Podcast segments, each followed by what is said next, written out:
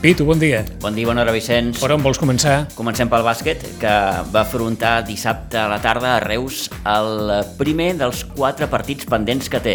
I, sens dubte, en un dels millors partits de la temporada, doncs va guanyar a la pista del Reus Deportiu per 65 a 91. L'enfrontament, recordem, era pendent de la quinzena jornada. Es va jugar dissabte a la tarda a la pista d'un Reus que en cap moment, ens diuen, va poder contrarrestar amb el bon joc dels eh, sitgetans que van viatjar eh, és cert, amb les baixes d'Omar i Mauro, dues baixes importants, i que al descans ja guanyaven per 29 a 38. Eh, a destacar, des del punt de vista de la notació, els 20 punts eh, que va fer l'Oriol Camproví i els 18 de Jan Carrion, i més enllà del triomf també destacar, com no, els 12 minuts que va poder disputar el Valerio, eh, que en reapareixia després de molts mesos estar eh, lesionat. Escoltem Balta Molina. Balta Molina eh, satisfet, òbviament, amb aquest triomf i que destacava la concentració i les ganes dels jugadors per afrontar amb aquest partit de dissabte. Salutacions, Pitu, i a tothom que estigui escoltant el programa. Doncs ahir a Reus, contra el Reus Deportiu, potser vam veure el millor partit de la temporada. Va ser un partidàs. Eh, no tant pel joc, que va ser bo, amb percentatges discrets de llançament. No creguis que va ser un dia d'aquests que ho fiquem tot, perquè bueno, potser destacar el 50% en tirs de camp de dos punts, però els percentatges de 3 van ser menys del 40%, un 30 i pico, 30, 30 poc, i tirs lliures tampoc vam arribar ni tan sols al 60%. Però eh, vam estar molt ficats al partit, Mm, tenint en compte les baixes del Mauro i de l'Omar, que són significatives per nosaltres, els jugadors van anar molt concentrats, amb moltes ganes, i es va notar molt. Uh, un ambient a la banqueta molt bo i es va reflectir el joc.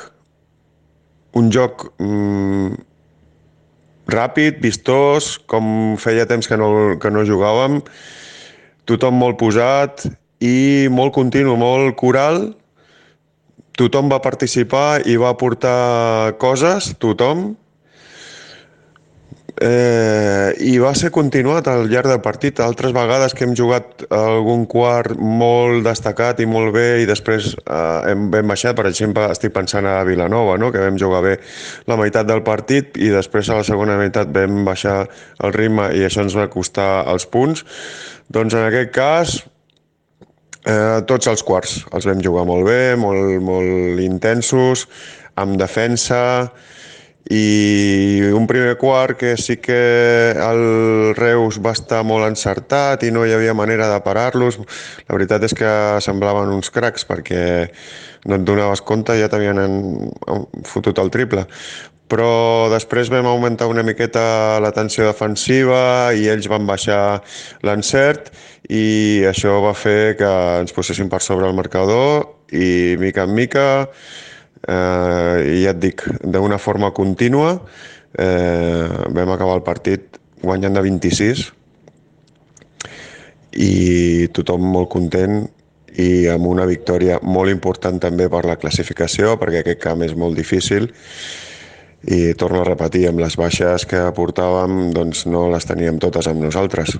Eh, vaig felicitar l'equip perquè realment s'ho van mereixer i espero que aquesta dinàmica i aquest puntet que vam trobar, que hem trobat en aquest partit ens serveixi per eh, encarar aquests dies que són molt complicats. Pensa que divendres que ve tenim el partit aplaçat contra veterans, diumenge eh, Manyanet i sigue, suma i sigue. Ja hem fixat el partit contra el Vendrell, que ho teníem també aplaçat, doncs el jugarem al Vendrell el dia 23 d'aquest mes, de març, que és un dimecres, anirem a visitar-los allà a les 9. I total, que un marzo loco com, com a la NCA, eh, a veure si ho podem encarar bé i els resultats ens són favorables. Ràdio Maricel, cada dia, al matí amb nosaltres. Un marzo loco. Un marzo loco, sí, tu sí. diràs. Sí, sí, perquè ens, com ens en recordava el propi Balta Molina, eh, divendres, aquest divendres, eh, partit contra veterans Salle Reus, a les 9, a Pinsbens. el segon partit pendent.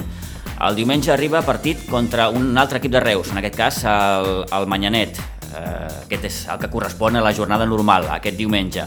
I com ens recordava també el propi Val de Molina, ja hi ha data per al partit del Vendrell, el 23 de març, a, a la pista del conjunt vendrellenc, a partir de les 9 del vespre. Quedarà encara un, que és el del Casal de Vilafranca, aquest encara no té data però vaja, tampoc poden trigar massa a, a jugar-lo.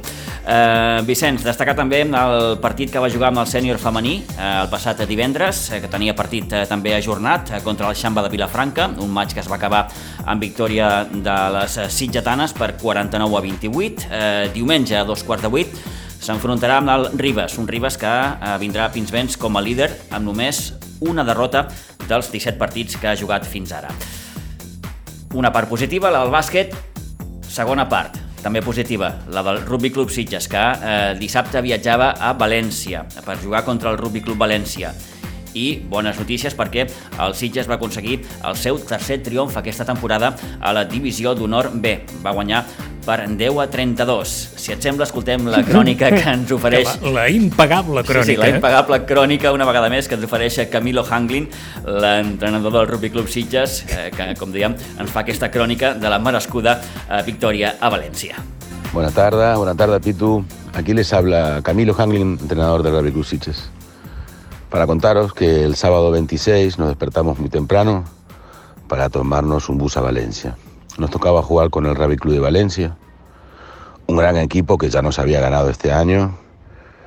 Eh, en un fin de semana difícil nos despertamos y yendo al bus nos cruzamos con tortugas ninjas, pavos reales y algún tipo de ave rara también por la calle. Resistimos los cantos de sirena del Carnestoltas y cuantonamos nuestro viaje hacia Valencia. Eh, íbamos cargados de esperanza, esper esperábamos que, que, la suerte nos diera un descanso. Estamos peleando partido tras partido como jabatos, eh, entrenando muy seriamente, lo estamos haciendo bien, pero parecía no ser suficiente. Siempre follamos en alguna, en la última, en la definitiva. Los primeros minutos tenían olor a déjà. Al minuto ya se nos lastima Mikel Tuduri, uno de nuestros grandes jugadores.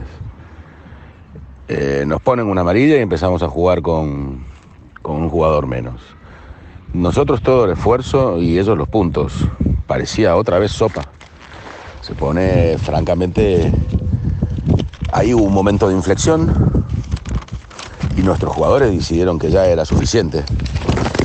Que se alinearon los astros y decidieron que ya estaba bien y se mandaron un partidazo. A partir de allí es que nos salió casi todo. Claro que con errores y luchando, pero casi todo. Un par de ensayos con sabor a, a tiquitaca y otro con juego de equipo, de fases, esfuerzo. El partido terminó 32-10 32 a nuestro favor. Y fue realmente el primer partido en que lo ganamos. Lo ganamos claramente. No, no, no creo que haya podido darse resultado para cualquiera de los dos como los anteriores que hayamos ganado.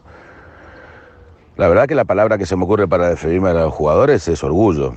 Y, no solo lo digo porque ganaron, eh, sino porque también en los tiempos que corren, que un chaval en su veintena decida viajar media jornada en bus, solo por el honor de dejar el nombre del Club Sitges lo más alto posible, esquivando carrozas, sacando toltas y otras tentaciones, para un chaval eso es difícil y es raro eh, habla de que los nuestros son de otra pasta. Y vuelvo a repetir, orgullosos. Eh, Ravi Cruciches, un club, una família. A Ràdio Maricel, cada dia, al matí amb nosaltres. Home, doncs no li falta raó, eh? És interessant aquesta reflexió. Perquè, esclar, para el, el dissabte al matí, que era dia de la cursa de llits, estava... Un dissabte més tentador impossible. Que la resta de dissabtes, és obvi, perquè com, com, com recorda el propi Camilo Hanglin, clar, eh, en ple carnaval, la gent té ganes de, de, de gresca, de disfressar-se, doncs no, agafa el bus, eh, fuma't la panxada cap a València, un munt d'hores, eh, ves i a sobre guanya partit de la manera que, va, que vas guanyar, no? amb aquest 10 a 32, que com també deia el Camilo, gran partit i victòria allò mm, eh, amb majúscules. Eh? Aquesta tercera victòria que deixa el Rugby Club Sitges podem dir que una miqueta més a prop d'aconseguir l'objectiu veritable d'aquesta temporada, que és el de poder eh, salvar la categoria. Ara torna a jugar fora de casa aquest cap de setmana, jugarà amb el camp del Gòtic, a veure si és capaç de, de, de, de derrotar el conjunt barceloní i assolir el que seria aquesta quarta victòria. I un darrer apunt, Vicenç, per recordar encara del món del rugby, perquè el passat dissabte el nou Santa Bàrbara, a Pinsbens, eh, va acollir la gran final del campionat autonòmic sub-18 femení, que va enfrontar a les seleccions de Catalunya i València. Eh, a nivell de resultat, va guanyar a Catalunya per un resultat de 24 a 12, eh, i recordar que en, dintre del combinat català hi havia la jugadora del Rugby Club Sitges, Ainhoa de Viron, i també un dels entrenadors del club, com és Alberto Montero. Per tant, la quota sitgetana també en aquesta victòria de Catalunya contra València aquest passat dissabte al nou Santa Bàrbara. 9 i 19 minuts i quan tornem al cap de setmana que ve, esportivament parlant, en futbol... Sí, sí, ja tenim el futbol, ja tenim el Sitges, eh, que jugarà fora, el camp del Terlenca, el Sitges B, l'hoquei, que reprendrà també la segona fase, per tant, divendres ja ens posarem al dia. Eh? S'haurà acabat, eh? encara queda de carnaval, però s'haurà acabat divendres. Sí, sí, O sigui que, ja... que, que la màquina... Ja estarà tot el peix venut. Exacte. Vito, gràcies. Vinga, adeu-siau.